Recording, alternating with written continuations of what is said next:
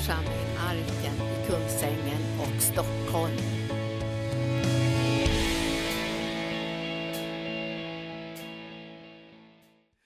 Jag kan inte nog, alltså nu tycker jag väldigt mycket om Bibeln så jag brukar rekommendera varje bok.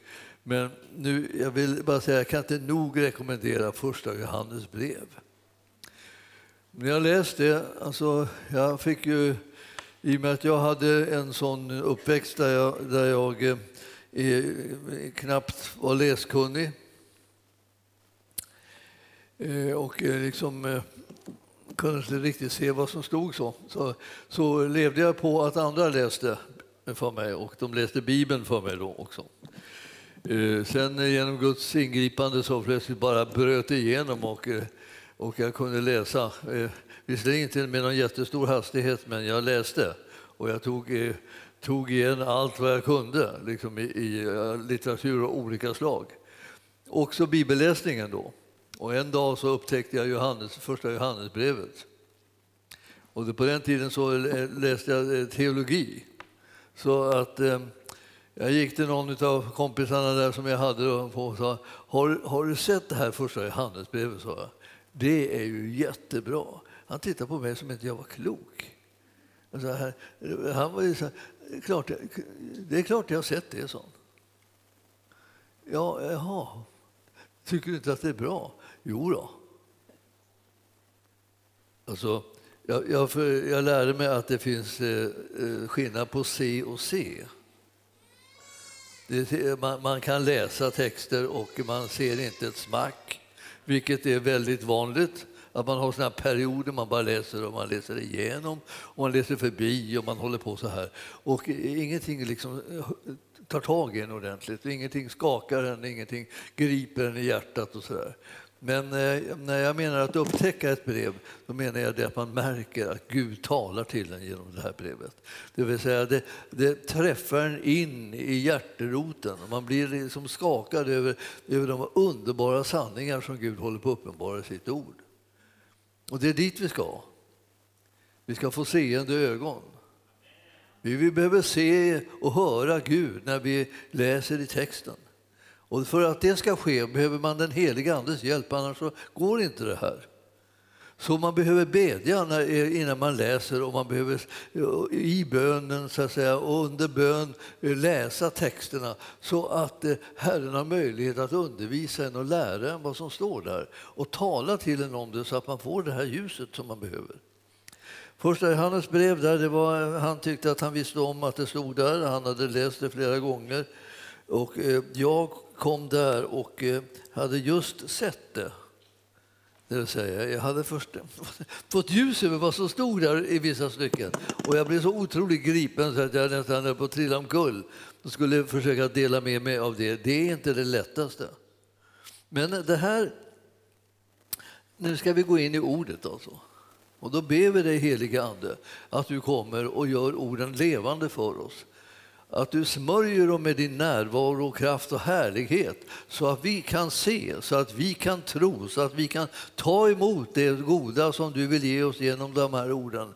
Att du låter dem bli den kraft som är verksam och förvandlar vårt liv. Vi, vi bejakar det, vi öppnar oss för det, vi förväntar oss att så ska ske. I Jesu namn och församlingen sa Halleluja. Då ska vi gå in i detta ljuvliga brev. Vi ska ta bara en liten, en liten bit i det, tror jag. Eh, eh, vi, vi, ska ta och eh, börja läsa två stycken verser. Eh, och det är i andra kapitlet, första Johannes brev, andra kapitlet, vers 1. Och eh, eh, också femte versen. Mina barn, detta skriver jag till er för att ni inte ska synda. Men om någon syndar så har vi en som för vår talan inför Fadern, Jesus Kristus, som är rättfärdig. Femte versen. Men hos den som håller fast vid hans ord har Guds kärlek verkligen nått sitt mål. Så vet, så vet vi att vi är i honom. Alltså, det här handlar om det här med identiteten egentligen. Alltså, vilka är vi? Och ibland så är det så att man talar så slarvigt om det så man kan inte ens skilja på de som är, är, är, som är Guds barn och de som inte är det. Man säger vi är alla Guds barn, säger man. Och då nickar nästan hela kristenheten. Vi är inte alls alla Guds barn. Vi är, vi är alla Guds skapelser, men Guds barn, det blir man född till. Och när vi, är, när vi har tagit emot Jesus Kristus så blir vi födda på nytt. Och det där, att vi blir födda på nytt, eh, sedan vi har förlorat liksom vårt barnaskap i syndafallet liksom, och fått det här i arv, att vi, inte, att vi inte sitter ihop med Gud, så får vi åter eh, bli födda eh, och eh, tillhöra Guds familj. Det är liksom inte, det är inte någonting som är för alla, utan det är för alla att ta emot. Och när man har tagit emot det så är det liksom en, en faktum och en sanning. Och då ser ni här att vi behöver känna till det här att vi är Guds barn när vi har tagit emot Jesus Kristus. Vi får inte liksom vara osäkra på det, vi måste vara säkra på det. En del har fått liksom glädjen att vara säkra på det nästan hela livet och andra har fått det liksom långt senare i livet, mött det här att de har upptäckt att de är Guds barn. När man väl har upptäckt det så måste man veta varför man är Guds barn så att man inte tror att det försvinner ett ut det. Alltså, eh, de som blir Guds barn är inte de som har skött sig bäst utan det är de som har eh, låtit sig födas på nytt eller låtit sig försonas med Gud. Det är de som är Guds barn. Så det är inte några liksom, eh, liksom strålande stjärnor av, av, av, eh, gott beteende och, så här, och väl, väluppfostrade, eh, vattenkammade typer som, som liksom känner det här är Guds barn och jag är så präktig, så präktig. Utan det är så här, Herren frälser ju syndare. Alltså, syndare är inget präktigt. Men han förvandlar dem så att de får nya förutsättningar. Och du och jag har fått nya förutsättningar, vi som har tagit emot Jesus. Och vi behöver vara säkra på att vi är Guds barn. För det är utifrån det där vad vi är som vi ska kunna visa vad, vad, vad, att vi har blivit förvandlade och förändrade. Och den där kommer som en process i våra liv. Så att det, här är, det, här är så, det här är så viktigt, alltså att vi ska veta någonting. Och vi ska, när jag säger veta så menar jag, var säkra på det. Var säkra på det. Det som Herren har gjort för dig, det behöver du veta vad det är och du behöver veta vad det fick för konsekvenser. Och så är du säker på de där konsekvenserna. De gäller för dig då. Därför hans gärning är det att du och jag har blivit frälsta. Vi tog emot det. Vi sa ja tack till det, men vi, vi, vi åstadkom det inte. Vi fick det. Och vi var glada och tog emot det. Så det, så att det där gör att man kan bli lite stabil i sitt inre och inte bli så rädd för allting. Framför allt, man behöver inte bli så jätterädd för, för all, all, sin svaghet. Alla sina brister och alla möjliga olika saker som man upptäcker på, eh, i vandringen här i livet. Man tycker att åh, jag är inte tillräckligt så här, jag är inte tillräckligt så där. Nej, nej, vad gör du då? Tror du att det innebär att du inte är Guds barn? Ja, det hoppas jag inte. För Guds barn har du inte blivit genom att du var så skötsam och stark och, och präktig utan Guds barn blev du genom att du fick det som en gåva. För Jesus han gick in och gjorde, förändrade hela din livssituation och så gav han dig gåvan av ett nytt liv. Nu är du Guds barn därför att nu tillhör du honom, du har blivit född på nytt. Så du har inte bara blivit född i den här världen och blivit människa, nu har du blivit Guds barn genom att födas på nytt. Guds barn blir man när man blir född på nytt. Är du född på nytt är du Guds barn. Viktigaste skeendet någonsin i en människas liv. Och den, den händelsen är alldeles, och gåvan är alldeles gratis. Den kommer alltid förbli gratis. Och så fort du liksom blandar till det där och inte längre vet att det är gratis så kommer du bli överansträngd och pressad och damn och till slut så vill du fly liksom hela det här med gemenskapen med Gud och Guds rike och Guds församling och alltihopa det här. Därför att du tror att det hänger på dig. Det har alltid hängt på honom och det är alltid han som har gjort det och det har alltid varit en gratis gåva. Så att om du inte förstår det här blir du aldrig fri. Du ska bli fri och tjäna Gud och inte sitta och, liksom och huka så att han inte ska upptäcka att du har brister. Det vet han hela tiden.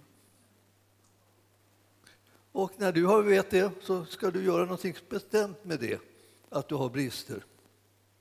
Det är inte ditt barnaskap som är i, i stöpsleven då, när du upptäcker att du har brister. Det är din gemenskap och din möjlighet att bära frukt och göra Herrens vilja i den här världen som är påverkat av det här med bristerna, om du inte handskas med det rätt och du behöver bekänna saker som synd när du märker att det är synd.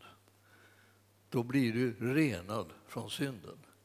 Och därför så, så finns det då ett fantastiskt ord. Och det är första Johannes 1 och 9. Om vi bekänner våra synder så är Gud trofast och rättfärdig så att han förlåter oss våra synder och renar från all orättfärdighet. Står det där. Det är så också. Vad ska vi göra då när vi upptäcker att vi har syndat? Med brister, eller med ord, tankar, vi brukar säga med tankar, ord och gärningar. Och så. Vad, vad gör vi? Vi gör just det här, vi bekänner vår synd. Då gör Herren det som behövs för att du ska bli renad från all orättfärdighet. All synd kommer bort ifrån ditt liv och all orättfärdighet kommer bort ifrån ditt liv och nu står du där och kan tjäna Herren igen. Ja, men det verkar väldigt enkelt. Ja, just det. Nu har du fattat det här. Det är mycket enkelt. Därför att Herren har räddat dig från det som var svårt. Och det är frälsningen det. För det betyder rädda. Han räddar dig om, du, om du har trillat i sjön och, liksom, och inte kunde simma och någon, någon drog upp dig så här, så, så ligger du inte där på stranden och säger det här var för enkelt. Och blir räddad. Jag blev räddad. Det var alldeles för enkelt. Det måste vara något lurt här. Jag, det, ligger något, det hänger på mig. På det. Det är bäst jag går tillbaka ner i vattnet igen. Nej, det är klart. Räddning är enkelt för den som blir räddad. För den andra liksom, kan det vara en kamp och, och, och en riktig strid kring det här med räddningen. Men för den som blev räddad var det bara som en gåva. Han räddade mig. Jag fick behålla livet. Jag överlevde. Tack Jesus. Ja, det är vad det gäller för oss. Tack Jesus att vi har blivit räddade.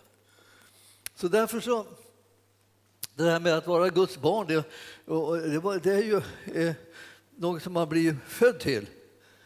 Och sedan så eh, eh, det som präglar Guds barn är att de gör sig av med synd. För att de ska kunna vara brukbara för Gud. Sen står de där och säger, säg Herre, vad ska jag göra? Du har förlåtit mig min synd. Du har renat mig från all orättfärdighet. Nu står jag här alldeles eh, beredd till jag vet, vad helst. Vad vill du? Och det han vill, det ska vi göra. Så ser vårt liv ut. Alltså. Men ni förstår att tryggheten i det livet ligger inte i att vi har bett om förlåtelse bara, utan tryggheten är att vi är födda på nytt. Hans gärning helt och hållet har fött oss på nytt. Vi är hans barn. Hans barn, vare sig vi är lyckade eller misslyckade, så är vi hans barn. Det är genom tron på Jesu gärning som vi är hans barn. Inte genom tron på vår gärning, utan på hans. Därför kan ett Guds barn vara, vara en glad typ fastän det är liksom fortfarande liksom inte riktigt eh, så perfekt. Alltså man kan inte ha det alltid som en, en modell för hur, hur ska vi leva. Eh, eh, titta på Kalle, titta på Lena, titta på Karin, titta... Eh, nej, aj, aj, aj, Se upp med det. Du behöver inte titta på massa människor om du ska tänka hur ska vi leva. Du ska titta på Jesus. Vi har det mest fantastiska mål, att vi ska bli lika Jesus. Det kan vi inte bli om vi står och liksom försöker, försöker krama fram någon slags helighet. Här, liksom. Utan det är bara någonting som kan bli en frukt av att vi är försonade med Gud, vi är födda på nytt och vi är förlåtna då kommer det en frukt om att vi kan tjäna Herren. Och den frukten är liksom det som är Jesuslikhet i den här världen. Man kan säga det, det är nog någonting som man i första hand liksom är beroende av att andra skulle upptäcka i ens liv. Inte man själv. Man har väldigt svårt att liksom upptäcka den här Jesuslikheten. Man kan stirra sig liksom, vilt galen liksom nästan in i spegeln utan att se någon Jesuslikhet. Om man bara försöker susa förbi spegeln så kanske man tänker att det såg hyfsat ut. Men de flesta människor är väldigt intresserade av spegeln. Så att om de börjar titta där så ser de allt möjligt och börjar tänka på allt möjligt. Och tittar man på den här vanliga liksom, spegeln så är ju det liksom, eh, sminket som kommer i högar liksom, över alla små fläckar här och där. Men sen när man tittar i den här andra spegeln som liksom speglar ens väsen och ens gärningar och så där så blir man ju liksom eh, ofta fördömd ända upp över öronen. Man märker att man har mängder med brister, men det är inte det som Herren fokuserar på. Han fokuserar på det om du är villig att ta emot förlåtelse eller inte. Och är du det så kommer du att kunna tvättas ren från all orättfärdighet och all synd. Och det går i ett endaste nu när du bekänner synden. Därför har vi som, som uppdrag att bekänna vår synd och sedan ställa oss till Herrens förfogande. För när vi har bekänt vår synd har vi inte någonting att göra längre för oss själva. Vi är klara, så att säga. Blir, vi, blir, vi blir liksom inte mer än förlåtna. Ja, det är inte lite det, men det är alltså det vi blir. Vi blir förlåtna. Sen kan vi göra hans vilja. Vi behöver inte längre leva för oss själva, utan vi kan leva för honom. Det är det som är liksom det häpnadsväckande. Man nästan blir, man nästan blir orolig liksom, om man har glömt någonting. Man måste liksom, skärp dig nu, liksom, var nu så här och var så där. Och, och så. Alltså, tjäna honom är det som är, är, fokus. Det är det som är kallelsen. Gå på hans vägar, tala hans ord, gör hans gärningar. Och Herrens, Herrens namn blir ärat och, och, och, och välsignat och upphöjt bland människorna. Och det blir attraktivt för andra människor att komma nära Herren. Och, och vi ska påminna dem om vad han har gjort för människorna. Allt det här är gratis. Vi, ger, vi, vi, får ett erbjudande om det, att låta försona oss med Gud och vi kan säga ja tack till det. Vi kan, när vi har syndat så kommer vi på att vi har ju en frälsare som har lovat att förlåta oss våra synder. För om vi bekänner dem så, för, så är Gud trofast och rättfärdig så att han förlåter oss våra synder och renar oss från all orättfärdighet. Ja, nu sa jag det här igen för tredje eller fjärde gången. Jag, jag, jag tror på repetition. Och jag tror på liksom att om man nöter på det här så småningom så, så kommer det in och då kommer det bli en frihet och en glädje bland Guds folk. Det blir inte så komplicerat. Det är inte meningen att vi ska trassla till livet. När vi möter Herren så kommer han med alla sina tankar, och synpunkter och värderingar. Och, så här. och till slut har man trasslat in sig i det här så till en milda grad att man knappt vågar röra sig i fläcken för man tänker att det ska bli något fel. Man ska vara upptagen med Herren istället för upptagen med sig själv. Och när man läser i boken så får man bli upptagen med Herren. Nu ska vi ta gå en, en liten bit fram. Jag ska ta en, eh, ett, ett, ett, i tredje kapitlet, eh, något, något ord där. Om vi, om vi tar och tittar i, i de första sex verserna där i tredje kapitlet alltså, Eh, det handlar om Guds barn. Det handlar om dig alltså. Det är så skönt ibland när man tänker så här, hela kapitlet här handlar om en. Man kan läsa kapitel efter kapitel och man tänker, vad, vad handlar det här om? Det handlar om mig. Det handlar om dig alltså. Se vilken kärlek Fadern har skänkt oss, står det. Att vi får kallas Guds barn. Och det är vi också. Ja, jag tänker så här, om du någonstans hittar ett bibelord som är ganska tydligt och eh, begripligt och, och, därför, och sant, eftersom det står i Bibeln, då, så, så eh, ändra inte det, utan bit dig fast i det. Vet att om man läser lite vidare så, där, så kan det hända att man stöter på något bibelord där du inte riktigt är säker på att de menar att du är Guds barn. Byt inte ut det här ordet mot det där som du inte förstår. Håll fast vid det enkla ordet som du förstår. Här till och med så undersöker man så här, vilken kärlek Fadern har skänkt oss eh, i att vi får kallas Guds barn. Det är vi också. Nu vet ju du det. Nu har du fått den här informationen, svart på vitt. Alltså, vi får kallas Guds barn och det är vi också. Inte bara det att vi får kallas det så länge som vi sköter oss, utan vi är det hela tiden. Det är det. Har du nytta av det ordet så ska du liksom samla på det någonstans. Lägg det på minnet eller skriv ner det någonstans. Så, så, för det här var då sanningen om dig, att du som har tagit emot Jesus, du är Guds barn. Det är du, du, du får kallas Guds barn och du är också det. Det är inte bara rättigheten liksom att kallas det för att, liksom, eh, att det, det, det, är som en liten ärostund så här, så får du kallas det, men sen tar han tillbaka det. Han tar inte tillbaka det, utan att du behåller det. Du släpper det aldrig ifrån dig. Världen känner oss inte och därför har den inte lärt känna honom. Ja, eh, det här kan vi stöta på, liksom, att vi är liksom lite främlingar i världen. Det är många saker som vi, vi har svårt att prata om med, med, människor i världen därför att de känner inte honom.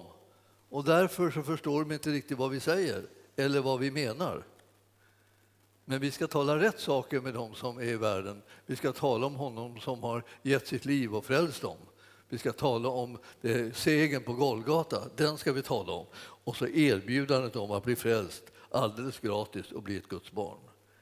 Det här är liksom ett mycket enkelt erbjudande, liksom väldigt tydligt och klart och det är det vi ska tala om. Vi ska inte liksom fördjupa oss i alla möjliga saker, för världen förstår inte liksom vad det är vi, vi pratar om innan de har lärt känna honom. Först måste de lära känna honom. Hur lär man känna honom? Man tar emot honom. Man, man tänker ja, men jag måste först vara säker på att han är si och sån och vad han menar med det och vad han menar med det här ordet och vad han menar med det här ordet. Alltså, det, det kommer sen. Först tar du emot honom. Du bara gensvar till det här, en längtan efter att vilja tillhöra honom, ta emot honom. Sen kommer de här sakerna att förklaras successivt, både genom ordet och genom Guds ande som kommer att hjälpa dig. Mina älskade, vi är nu Guds barn och vad vi ska bli det är ännu inte uppenbarat. Men vi vet att när han uppenbaras kommer vi att bli lika honom. Ty då får vi se honom sådan han är. Alltså, målet för vårt liv är att bli honom lika. Så när vi väl har blivit Guds barn så är det så att när, när han visar sig, uppenbarar sig för oss, kommer vi att bli honom lika. Successivt vi ser vem han är och vad han gör och, och så. Igenom, först genom bibelordet och genom Herrens ande och så småningom kan man också tänka sig att vi, skulle, att vi får någon slags fullkomlig likhet som uppstår när, när vi kommer eh, hem till himlen. Men än så länge så är det, här, så är det liksom att känna igen hurdan han är. Vi läser om honom i ordet, vi läser om evangelierna och sedan i breven och, och så vidare hela, hela vägen. Så lär vi känna honom. Vi lär känna hans tankar och hans ord. Vi lär känna hans himmelske fader och genom att han uppenbarar honom. Jesus säger till mig, ni, ni har det så bra så att om ni bara lär känna mig och har sett mig så har ni också sett Fadern, säger han. Så ni behöver inte hålla på och trasslas med att nu försöka komma till himlen och ha någon slags upplevelse där nere och sen komma tillbaka till jorden. Utan ni kan lära känna Jesus Kristus genom ordet och anden som är närvarande här på jorden. Han har tagit sin boning i ditt hjärta. Och jag känner att det ibland så här, vi tänker att det, blir, det blir så många bra saker som har hänt en som man undrar egentligen om kan det vara sant när man känner sig som man känner sig. Och, eh, eh, och, man känner sig lite halvskruttig och grann och komplicerad och bökig och eh, livet består av massa omständigheter som man absolut inte önskar skulle finnas där. Och så tänker man det här, kan det verkligen vara så där otroligt härligt och bra som det står i skriften nu då, att det är redan? Ja, så det där med att upptäcka saker och få en uppenbarelse, det är något viktigt inslag i det kristna livet. Det kommer när man söker Herren och lär känna honom. Ju mer man lär känna honom, han uppenbaras för en, ju mer så blir det uppenbart för en vad det ens eget liv är för någonting och vad det innehåller, vad man har fått och vad man kan göra tillsammans med Herren. Det, det, det kommer steg för steg. Och jag, jag, jag, tänker ibland så har vi såna konstiga förväntningar, liksom, eller felaktiga förväntningar på att det måste vara på ett visst sätt för, för att det ska vara sant. Eh, det räcker att Herren säger det för att det ska vara sant. Ska jag tala om. Så att om, du, om du tänker att du ska vänta på att det ska kännas si och så, så här, innan det är sant, så, så, så eh, missförstår du det här. Det, Herren talar sanning, nämligen. Och Jesus säger om sig själv, jag är sanningen. Så när han då talar ut av saker och ting och säger hur det är och visar hur, hur, hur man ska göra, eller så här, då, då är det det som är sanningen. Det behöver inte vara någon särskild känsla hos dig, utan det, det, är sant därför att det var han som sa det och det var han som gjorde det för dig. Det var han som gav dig det. Och det var han som sa, nu kan du gå i mina fotsteg och göra detsamma som jag. Och det där är det du jag ska behöva börja ta till oss och våga tro på utan att, att det nödvändigtvis känns liksom så att det pirrar överallt eller något. Jag vet inte vad ni väntar, liksom, eller, men det är olika. Men jag, under vissa tider så tänkte man alltid om, om den heliga ande ska komma över mig, då måste det pirra. Det, det, han, han, är över mig ändå. Och han, han bor i mig liksom, utan några pirrningar. Och, och kommer några pirrningar igång så kan man kanske vara glad över det. Men, men det är inte då först som det liksom är sant att han bor i mig. Precis som man bor i varenda en som har tagit emot Jesus. Han kommer till oss genom sin ande och tar sin boning i våra hjärtan. Där bor han och där är han och, och ibland känns det och ibland känns det inte. Eh, men han flyttar inte ut och in hela tiden då utan, utan han stannar kvar och, och, och, det hela är stabilt så att säga. Det är bara det att vi fångar inte riktigt upp det jämt. Och det där är, det, vi ska inte bry oss om det så väldigt mycket utan frågan är vad har Herren sagt? Vad har han lovat? Och vad har han gjort? Och det är det som är beständigt och hållbart i livet. Så ska vi läsa ytterligare några, eh, några rader här. Då. Tredje. Och var och en som har detta hopp till honom, han renar sig lika som han är ren. Det vill säga, när man väl har blivit frälst och har blivit ett Guds barn eh, så är man angelägen om att eh, eh, rena sig från synden genom att bekänna synd och få bli förlåten. Var och en som gör synd bryter mot lagen, till synd är brott mot lagen. Så att det, här är det som man kan läsa av lite grann vad som är, eh, är, är synd genom att man ser om, det är ett, om man bryter mot den lag som finns i Bibeln. Då. Och ni vet att eh, han uppenbarades för att ta bort synderna och synd finns inte i honom. Och eh, det är, där, där har du det nämligen så att eh, hos dig som är född på nytt eh, så är inte eh, synden kvar. Så syndaidentiteten är inte kvar där. Det händer att du gör saker och ting som ligger så att säga, i det yttre eh, som speglar ett världsligt liv eller så, genom det du säger eller det du, det du tänker eller, eller, eller eh, gärningar som du gör så, så eh, syns det att de är syndiga, det vill säga de, de stämmer inte med det liv som Herren vill att du ska leva. Så kan det vara och då bekänner du den synden och får den eh, ur världen. Men i dig bor inte synden längre. För där bor den heliga Ande. Och det är Jesu Kristi ande och han tagit sin boning i ditt inre. Så därifrån kan du hämta all kraft. Och när du, när du tänker på det här att du, att du får konfrontationer med mörkret och, och, och svårigheter liksom på olika sätt och, och kämpar med det som, eh, som är, kommer från mörkrets sida så kan du tänka, från mig kommer det som är övervinnande. För han som bor i mig, han är större än den som är i världen. Och då låter du inte skrämmas av omständigheterna utan du tar emot den här sanningen om vem som bor i dig. Och även om du just då känner dig attackerad och svag och, och förvirrad och allt vad du vill så är det så att det, det är inte det som är det viktigaste med dig. Det viktigaste med dig är att han bor i dig. Och därför så kommer du inte bli ett offer för omständigheterna utan du kommer vinna seger istället för att du blir besegrad.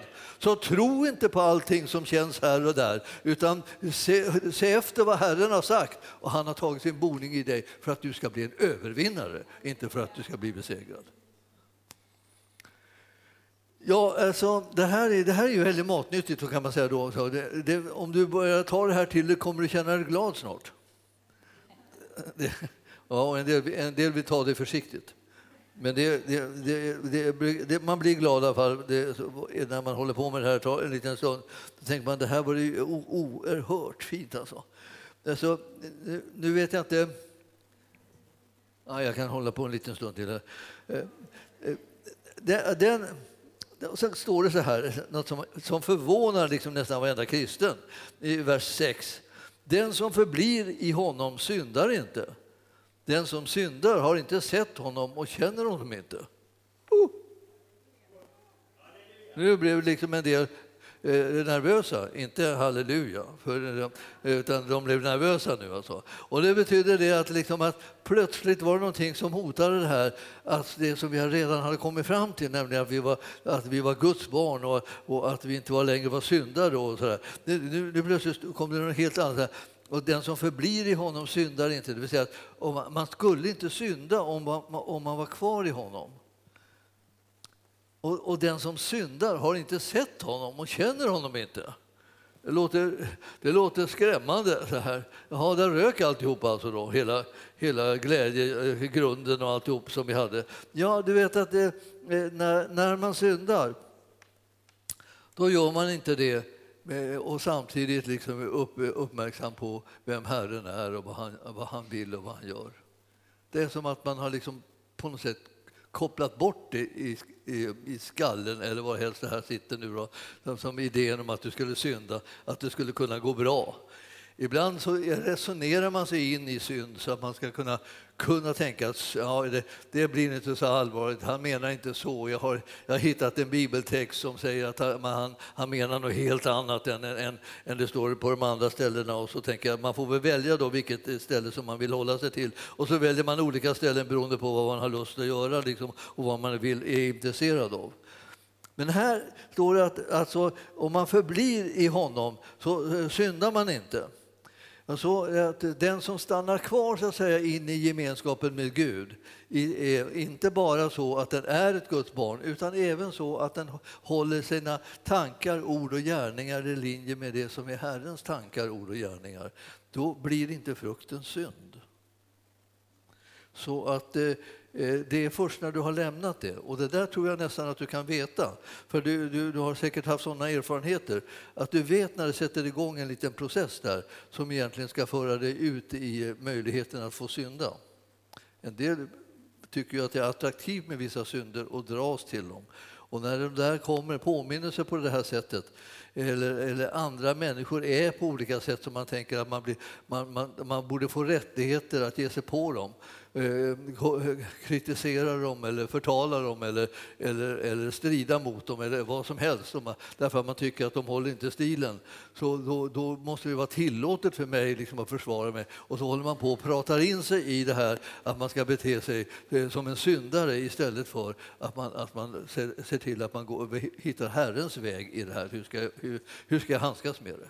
Och, och, det här, när man håller på så där och letar och känner efter och bökar så kan man så småningom komma in i, i, i och kalla vilken synd som helst för helt, eh, helt okej. Okay, alltså. Och eh, det är det som gör att vi, vi ibland har fått kommit glidit iväg på ett sätt som vi har lurat, inte bara eh, liksom försökt att lura Gud, vi har lurat oss själva i all synnerhet för att vi har liksom kommit bort ifrån honom. Och eh, eh, det är, det är någonting som eh, vi ser alltså är till skada. För då, då, då, är det som att vi, att vi har egentligen inte sett honom längre i det här som vi håller på att göra. Vi tar inte honom som exempel och vi följer honom inte och vi känner honom inte för det här är inte sånt som ligger på hans hjärta att göra. Utan det här har legat på vårt hjärta när vi tänker själviska tankar och gör själviska gärningar. Alltså, låt ingen föra dig vilse, står det. Inte ens dig själv. Du får inte föra dig själv vilse. Det är liksom, du får, måste vara med på att du, att du har gjort ett val att du, där du följer Herren och inte följer världen eller bara söker egenlika förmåner och fördelar och njutning. Den som gör det rätta är rättfärdig liksom han är rättfärdig. Det vill säga det här att göra rättfärdiga gärningar, det är det som vi är kallade till när vi är kallade till att likna Jesus. Han är rättfärdig och vi kallade, sedan vi har blivit förlåtna och försonade med Gud, så är vi kallade att också leva ut ett rättfärdigt liv. Det där kan du läsa om i Romarbrevet liksom det sjätte kapitlet där, att man ställer, ställer sitt liv i, i rättfärdighetens tjänst. Man har, förut hade man den inte där, men nu har man ställt sitt liv i rättfärdighetens tjänst. Och eh, det, det är inte för att bli, bli rättfärdig, utan det är därför att man är rättfärdig. Och så, eh, ser ni att eh, de här, det här ska, av, ska jag avsluta nu med, med att eh, läsa i, i det fantastiska som står här. Det är den sextonde versen. Jag ska se om det var det. Eller vad det var. Eh, ja. Med anledning av det här med kärleken. Kärleken är drivkraften till det kristna liv som vi har. Om det inte är kärleken som driver oss så har vi kommit ur det kristna livet. Vi har inte kommit ut ur barnaskapet, vi har kommit ur livsstilen. Vi har kommit ur likheten med Jesus. För Jesus kom till världen som en kärleksförklaring ifrån Fadern. Han, han, Guds kärlek uppenbarades genom att han kom hit till världen och gav sitt liv. På det, genom det så vet vi vad kärlek är. Det är någon som osjälviskt ger sitt liv. Och Jesus kom på det sättet. Men om vi, om vi själva liksom tappar det här med att ha kärleken som drivkraft så tappar vi liksom det här att leva det kristna livet att leva Kristuslikt. Alltså. Och, och det här ska vi ta och läsa nu från 16. Genom att han gav sitt liv för oss har vi lärt känna kärleken. Så är också vi skyldiga att ge vårt liv för våra bröder, det vill säga älska dem. Jag ibland tänker så här, många gånger det bara så här, Åh, ska man ge sitt liv för bröderna, vilka är det som man ska dö för liksom på något sätt? Nej, men man ska, man ska älska dem. Det betyder egentligen att man ska, man ska låta andra få företräde framför en själv. I mängder av situationer så hittar du de där, det här valet. Ska jag låta någon annan få fördelar eller bli välsignad eller bli hjälpt eller uppmuntrad istället för eh, eh, att jag blir det? Eh, för jag, för jag har gjort det här och det här och jag har varit duktig och jag har kämpat och jag, det är jag som borde tackas, det är jag som borde... Ja. Och så håller man på och liksom kämpar med det där om man ska om man ska träda tillbaka och låta en annan bli välsignad istället för man själv.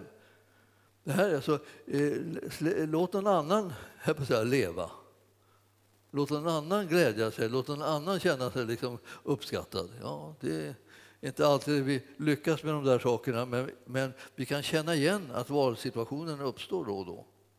Och, eh, och det, här, det här är liksom att inte tränga sig före i livet så att säga, hela tiden. Utan om det är någon som ska bana väg för oss så är det det vi håller på att försöka lära oss allesammans.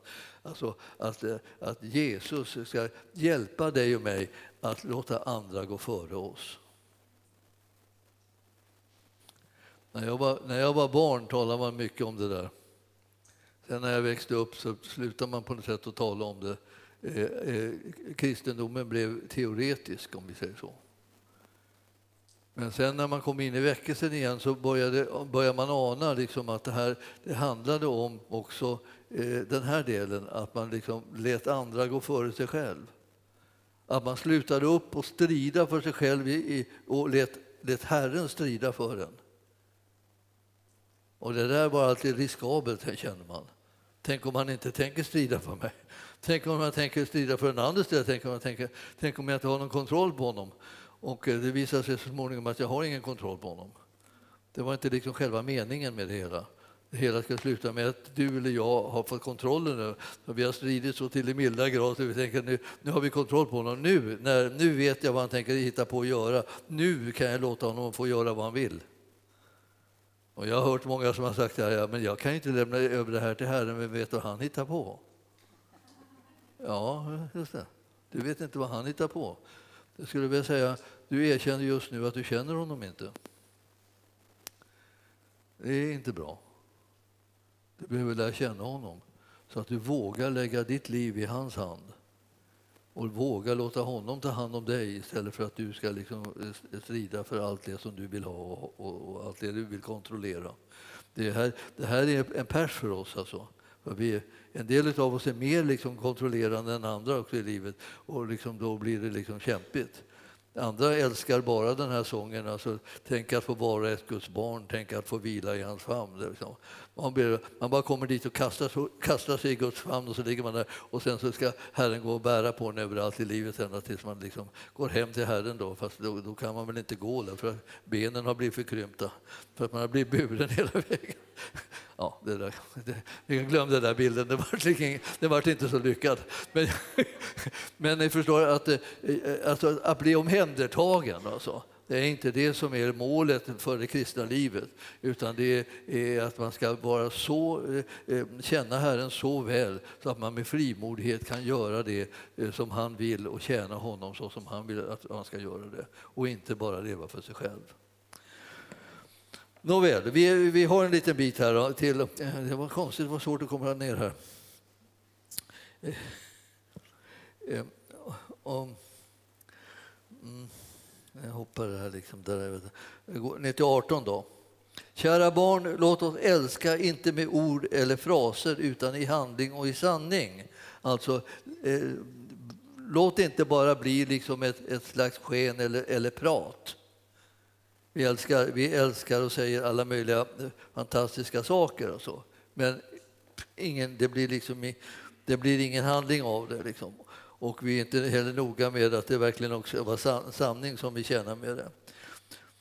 Då vet vi att eh, vi är av sanningen och att vi, och vi kan inför honom övertyga vårt hjärta vad det än anklagar oss för, att Gud är större än vårt hjärta och vet allt. Ja, jag måste säga att det här är ett av mina verkliga säga, kampställen. Jag har, jag, har, jag har hållit på med det här bibelordet så oändligt mycket. Men jag har, jag har kommit liksom därhen med det här att det finns en uppgift som jag har och som du har, att övertyga ditt hjärta om någonting. Alltså du måste övertyga ditt hjärta om något inför Herren. Och vi, Eh, då, då vi vet att vi är av sanningen och, och vi kan inför honom övertyga vårt hjärta om det vad det än anklagar oss för, att det är Gud som är större än vårt hjärta och vet allt. Medeltid alltså. Jag behöver övertyga mitt hjärta om att det är Gud som är större än mitt hjärta och vet allt. Så att när jag känner att anklagelserna i mitt hjärta, eller så att det är mitt inre då, är, är, är, stora på alla möjliga områden. Och jag tänker liksom, det här, det här är så problematiskt och jag, det är så mycket skräp i mig så att jag, jag, jag, det här kommer aldrig gå väl. Det är inte klokt. Liksom. Det, här, det här med att vara en kristen, det, det får man ju liksom bara på något sätt i, i smyg. Liksom. För så börjar man säga att man är det så, så kommer alla eh, skärskåden och då ser de all smörjan och så blir alltihopa bara liksom en pannkaka. Det här, här, här gäller det liksom att dölja livet. Och man har liksom som flera liv. Då, så, så. Man går och gör sig till liksom och, och, liksom och, och, och, och, har liksom mörkar liksom hur, hur livet egentligen är. Men här står det att jag måste övertyga mitt hjärta. Jag måste tala till mitt eget hjärta och säga till dig, du ska veta att, att Gud, han vet allt. Och vad är det för någonting? Han vet allt. Det, det, det var inte särskilt uppmuntrande. Liksom. Först, först, vet jag själv allt och blir förskräckt och sen, så, sen, sen, sen, kommer man att få reda på att Gud vet allt. Det behöver inte övertyga mitt hjärta om. Jag har haft det på känn hela tiden. I, I, min hemförsamling brukar jag säga så här, hade vi ett öga som satt högst upp i, i själva eh, kupolen, så man satt där nere liksom långt nedanför då liksom den här kupolens topp, så kunde man titta upp så, här, så var det Guds öga som tittade ner. Så. Det var, och för, för jättemånga var det en påminnelse om att de var sedda av Gud, det vill säga han spionerade på dem och han, han såg allting med deras liv. Sen var det andra då som, hade, som kände Gud lite mer de tyckte det var underbart att, att han vakade över dem, sa de då. Och jag pendlade mellan de där. Jag kände vilket, vilket ska vara, vilket ska det vara. Ja. ja, men i alla fall. Det, är så, eh, det här med att, att, att, tänka på att Gud vet allt. Men vad är det han vet egentligen som har någon betydelse här? Det är inte bara så att, att nu Eh, vet du allt och du skäms som en hund och snart vet alla människorna runt omkring dig allt och så blir de så tycker de att, att du är hemsk liksom. och sen så kommer informationen, sen vet Gud allt också. Så det är liksom totalt avslöjad inför hela den himmelska världen ungefär så här. Nej, alltså, det här med att Gud vet allt det betyder någonting helt annat. Han vet någonting annat om dig än bara det att du har varit misslyckad i olika områden. Nämligen, han vet att, eh, att du är Guds barn som är född på nytt och som har evigt liv. Han vet att det finns förlåtelse för synd. Om du bekänner den så är Gud trofast så att han förlåter dig din synd och renar dig från all orättfärdighet. Det vet han. Men just nu var det så att du hade liksom glömt bort det. Du bara liksom kände liksom att, bara, att ditt liv det höll inte längre. Och, eh, och nu kommer, om Gud tittar på mig, då är det för att avslöja mig att jag duger inte heller i hans ögon förstås. Och det är klart att inte synden duger, men han har inte förkastat dig. Han vill att du bekänner synd så att han får förlåta dig så renas du från all orättfärdighet. Och sen kan du se frimodigt upp va? Och titta där uppe i ögat som tittar ner på dig och, eh, och eh, vi tänker vilken trygghet att han ser mig. Du ska handskas med det här. Du förstår, det, det står här men det, man ser det inte om man har hela fokus på sig själv och sin situation. Men istället för att man behöver ha fokus på Herren och veta vad han håller på med. Hurdan är han egentligen? Känner vi honom? Är han god? Älskar han oss? Ja, ja, ja, ja, ja, ja. allt det där är ja, han gör det. Så därför så kommer livet då kunna bli så annorlunda. Jag tycker det är så härligt alltså. Eh, eh, vad det än anklagar oss för, alltså vad vårt, liksom, vårt inre eller vårt hjärta än anklagar oss för, liksom, vi känner liksom att vi, vi duger inte på det och det, så, så är, är Gud större än vårt hjärta. Han låter inte hela sitt, sin uppfattning liksom styras av vad som pågår i ditt hjärta, utan han vet allt. Och det han vet är ju liksom så härligt att, att, han, att han vet, nämligen det här att frälsningen Eh, hänger på Jesus Kristus. Och det eviga livet får var och en som tror på honom och bekänner honom som sin Herre och Frälsare. Det är liksom det. Han vet att du, eh, att du har blivit född på nytt och han vet att det finns förlåtelse för synd.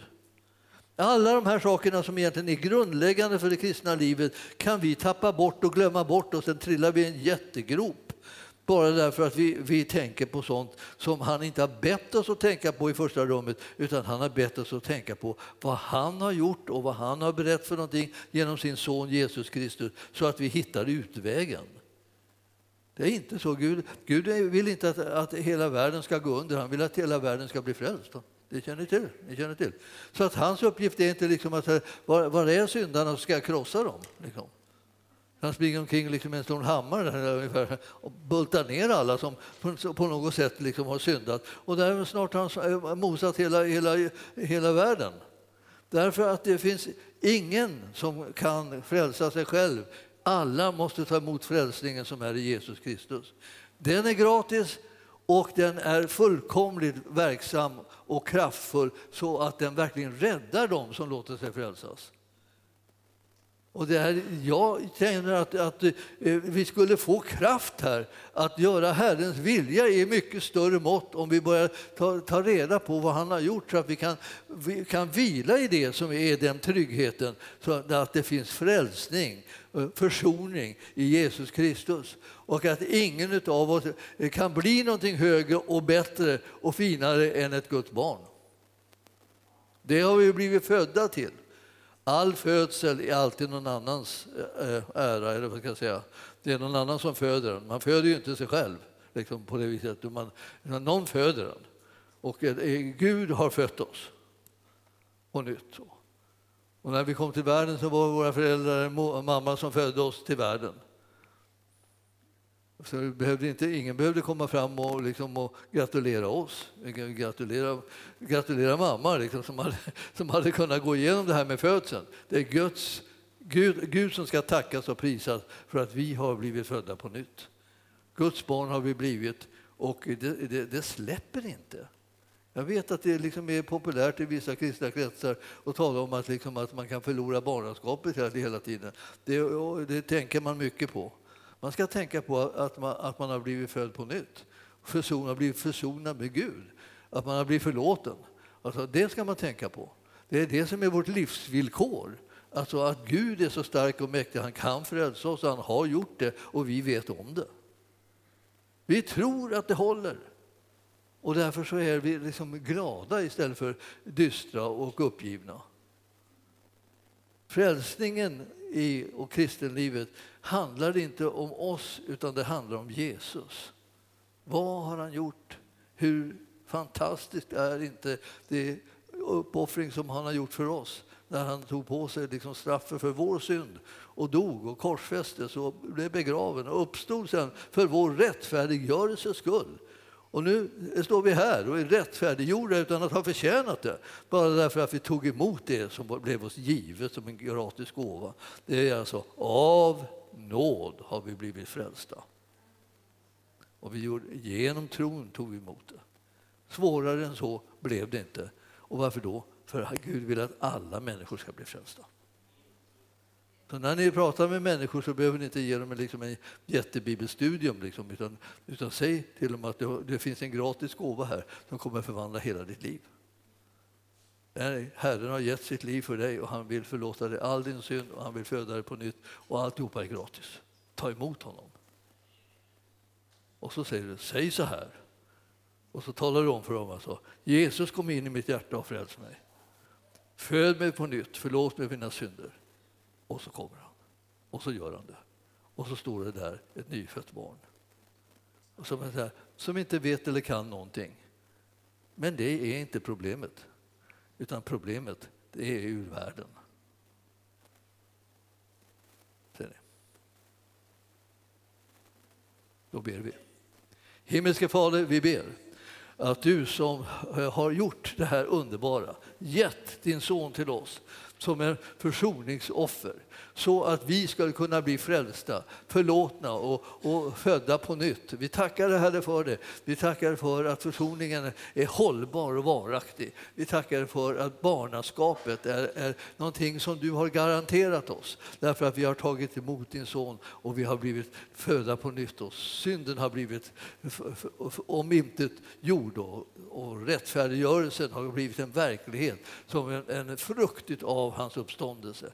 Vi tackar dig Herre för att vi är så, så privilegierade genom att vi får tjäna dig och följa dig. Och vi ber Herre att det ska bli en verklighet för fler och fler. Vi ber för var och en här som, om det som är här eller som lyssnar eh, på internet, Herre, att de ska ta emot dig eh, som sin frälsare. Du ska säga då bara helt enkelt till Herren, Herre eh, Jesus kom in i mitt hjärta och fräls mig. Förlåt mig mina synder och föd mig på nytt. Så gör han det. Nej, det, det, det, oh, det tänker jag, oh, hur var det där nu med orden? Det behöver inte bry dig om det, utan bara tänk så här, eh, jag inbjuder Jesus i mitt hjärta och jag ber att jag ska få bli hans barn och eh, att han förlåter synd. Det är allt, allt, allt. Du behöver inte göra något mer. Allt har han gjort, du tog emot det och det är en andlig verklighet. Jag prisar dig Herre för att du når många med det här budskapet så att deras liv blir förvandlade. Att du når oss så att vi får glädjen in i livet, så att vi får kraften att tjäna dig och följa dig och verka på det sättet som du har tänkt det. Jag tackar dig Jesus för att du har gett ditt liv. Vi ska påminna vårt hjärta om hur det egentligen är, det som är sanningen, så att den sanningen får prägla oss i, alla olika lägen som vi hamnar i livet. Vi prisar ditt underbara namn. I Jesu namn. Och församlingen sa Halleluja. Tack Jesus. Tack Jesus. Halleluja. Prisad vare Gud. Ja. Gud är större än vårt hjärta och vet allt. Jag blev liksom chockad när jag upptäckte det första gången att det skulle kunna betyda att han visste om att, det, att jag var frälst och jag hade, och jag hade glömt det. Alltså att, att vår arbetsfördelning såg ut så att jag, jag satt och funderade på om, om, jag, om jag dög och han, och han satt och, och visste att jag gjorde det. Eftersom jag var förlåten. Vi blir ju inte mer än förlåtna, ni vet. Det är liksom förlåtna då är det så. Då är allt det där i världen, främlingskapet är i världen och barnaskapet är åter på plats. Så Herren är liksom en, en, en Gud som har blivit försonad. Och eh, eh han har, genom sin son som han har sänt och eh, vi är de som har blivit hans barn. Så barnaskaran har ökat avsevärt. Och det bara kryllar nu med barn. Men de flesta sitter och funderar på om de, om, om de duger när, när Herren har gjort allt för att de ska vara sådana som han vill att de ska vara. Han vill lära dem. Man har ju ingenting emot att barn lär sig någonting. Man har till och med, det är faktiskt en glädjekälla om de lär sig något någon gång när man försöker träna dem och träna på olika saker. Så men, men det här att lära sig liksom att man är ett Guds barn och att man har trygghet i det, det är ju bland det viktigaste som finns. Och eh, eh, så, det är så som det föds liksom glada kristna kan man säga. Sorgsna kristna liksom, de, är, de, är, de, de, är, de är, har man ju medkänsla med men man tycker att det är så onödigt att vara, vara sorgsen när man nu har blivit frälst och när man är ett Guds barn och han har förlåtit och allt är bra. Det är precis som den är, man kan tänka på, på den här förlorade sonen när, när han är på väg hem. Alltså han har ju han har problem, alltså, det är uppenbart. Alltså han stack hemifrån och han ville liksom leva ett annat liv. Och han, han gjorde också det och han tyckte att det liksom var skrutt till slut. Han insåg att han, att han hade ingenting. Han trodde han hade vänner, han trodde han hade pengar och snart var allting slut bara. Så att han bara där bland, bland grisarna. Och, så där, det där liksom att, och, så, och så kommer han på att jag kanske skulle gå hem. Och så, när han ska gå hem då, så, så, så, så, tänker han så här, nu, nu gäller det här alltså, nu gäller det att formulera mig rätt. Alltså. Jag måste säga rätta orden, jag måste säga dem fint. Här. Och jag måste liksom vara ödmjuk och jag måste vara alltihopa så här. Och så tänker han då, och, så, och pappan har stått där och spejat efter honom hela tiden. Och så, och så, när han kommer då, fram till honom då och sätter igång så här, ja, ja, fader jag har syndat mot, mot himlen och inför dig. Så här. Men det verkar som att fadern höll på hela tiden liksom och tog mått på honom. Ungefär. Vi ska, han ska ha nya kläder, han ska, liksom ha, han ska, han ska ha ringen på fingret och hit med den och så och, och, allt verkade verkar som att de hade två stycken liksom olika intresseområden. Alltså, fadern höll på där liksom och återupprättade honom och satte in honom liksom som son i huset med rättigheterna och möjligheterna liksom att, att eh, få del av allt det som fanns där hemma. Eh, medan sonen hela tiden höll på ta, eh, försökte satsa på att han skulle ynka sig tillräckligt för att be om förlåtelse, förlåtelse, förlåtelse för att, att det skulle vara tillräckligt bra så att pappan blev nöjd med förlåtelsen. Så. Men han, alltså, det här att han kom tillbaka och eh, bara sa, sa ordet förlåt var absolut tillräckligt. Det behövde inte ha någon långt, långt tal om det utan det var liksom en liten, liten kort ord bara. Och sen var, det, sen var det igång med upprättelsearbetet. Och så är det för, för dig och mig också, att vi får liksom kom, när vi kommer så är det inte så att det, vad vi åstadkommer i själva steget är inte det viktiga utan mer, mer än att vi säger förlåt när det gäller synd. Så blir vi förlåtna och sedan sätter Herren igång med att upprätta oss. Så är det liksom lite bortsprungen så här så går det lätt att komma tillbaka. Och Det är lätt att komma hem och det är lätt att bli förlåten. Och det är lätt att få liksom, komma på benen igen och komma in i det som Gud vill med ens liv. För han längtar efter just det och han, han står inte där och håller emot och liksom säger ja, nu ska du få vänta länge, du ska få vänta länge där nu med tanke på vad du har gjort. Och det är ofta människomeningar. Herrens mening är att vi, vi sätter igång med en gång och vi upprättar så att du kan vara trygg i det att du nu är ett Guds barn och att det verkligen bär också för dig. Ja, det är eh, det här med att bekänna och eh, så, det, det, det, kan vi ta en liten stund tror jag, liksom att göra det faktiskt så att det, så att det blir av nu. Då. Vi tänker så här, ja, jag ska ta det där sen, jag ska ta det där sen, tänker du då. Men vi ska ta det med en gång. Eh, så att, eh, vi ska inte ta det i något högt kor och så här att alla skriker. Jag har varit med om sådana möten också. Där alla ropar ut sin synd. Liksom, för vad vill ni bli förlåtna för? Så skriker alla på en gång ut sin synd. Eh, det, det, det är en liten, en liten pers. Så, så. Vi ska inte göra det, men det räcker att du och Gud känner till det här med synden. Eh, och eh, så kan du bekänna den om du behöver. Du kan bara fråga Herren. Och jag vill säga till er att när man undrar det här om man har syndat så går det till så att man frågar Herren, Herre, är det någonting som du vill påminna mig om, någon synd som jag inte har tagit itu med redan, så eh, säg den till mig. Och är det så att han inte säger någonting, att det inte dyker upp något i ditt minne, så låt det vara. Hitta inte på någonting då, utan låt det vara. Han är den som påminner oss om synd. Genom sin ande gör han det. Så du behöver bara ta det som är själva påminnelsen och inte göra någon konstruktion. För det vanliga är ju annars att när vi syndar och upptäcker det så känner vi den synden med en gång och så är det färdigt. Men, men, eh, men om det har blivit sådana saker som vi inte har tagit itu med eller inte har tänkt på förut så har kanske Herrens ande verkat i ditt liv nu och sagt de här sakerna så kan du ta dem. Så tar vi det och så ska jag bara påminna dig om förlåtelselöftet som vi har från Herren sedan. Då tar vi en stund bara, vi sluter våra ögon och så, eh, så talar vi tyst var för sig med Herren om det som behövs.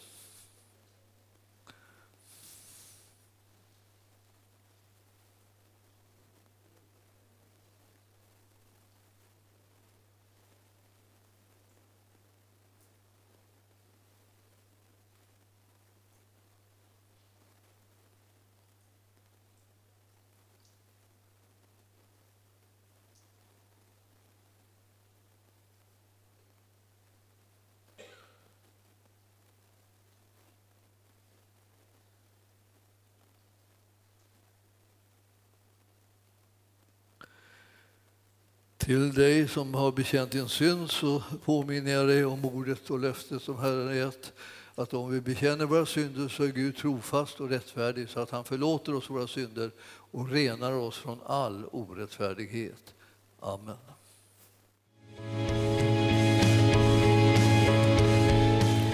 Tack för att du har lyssnat.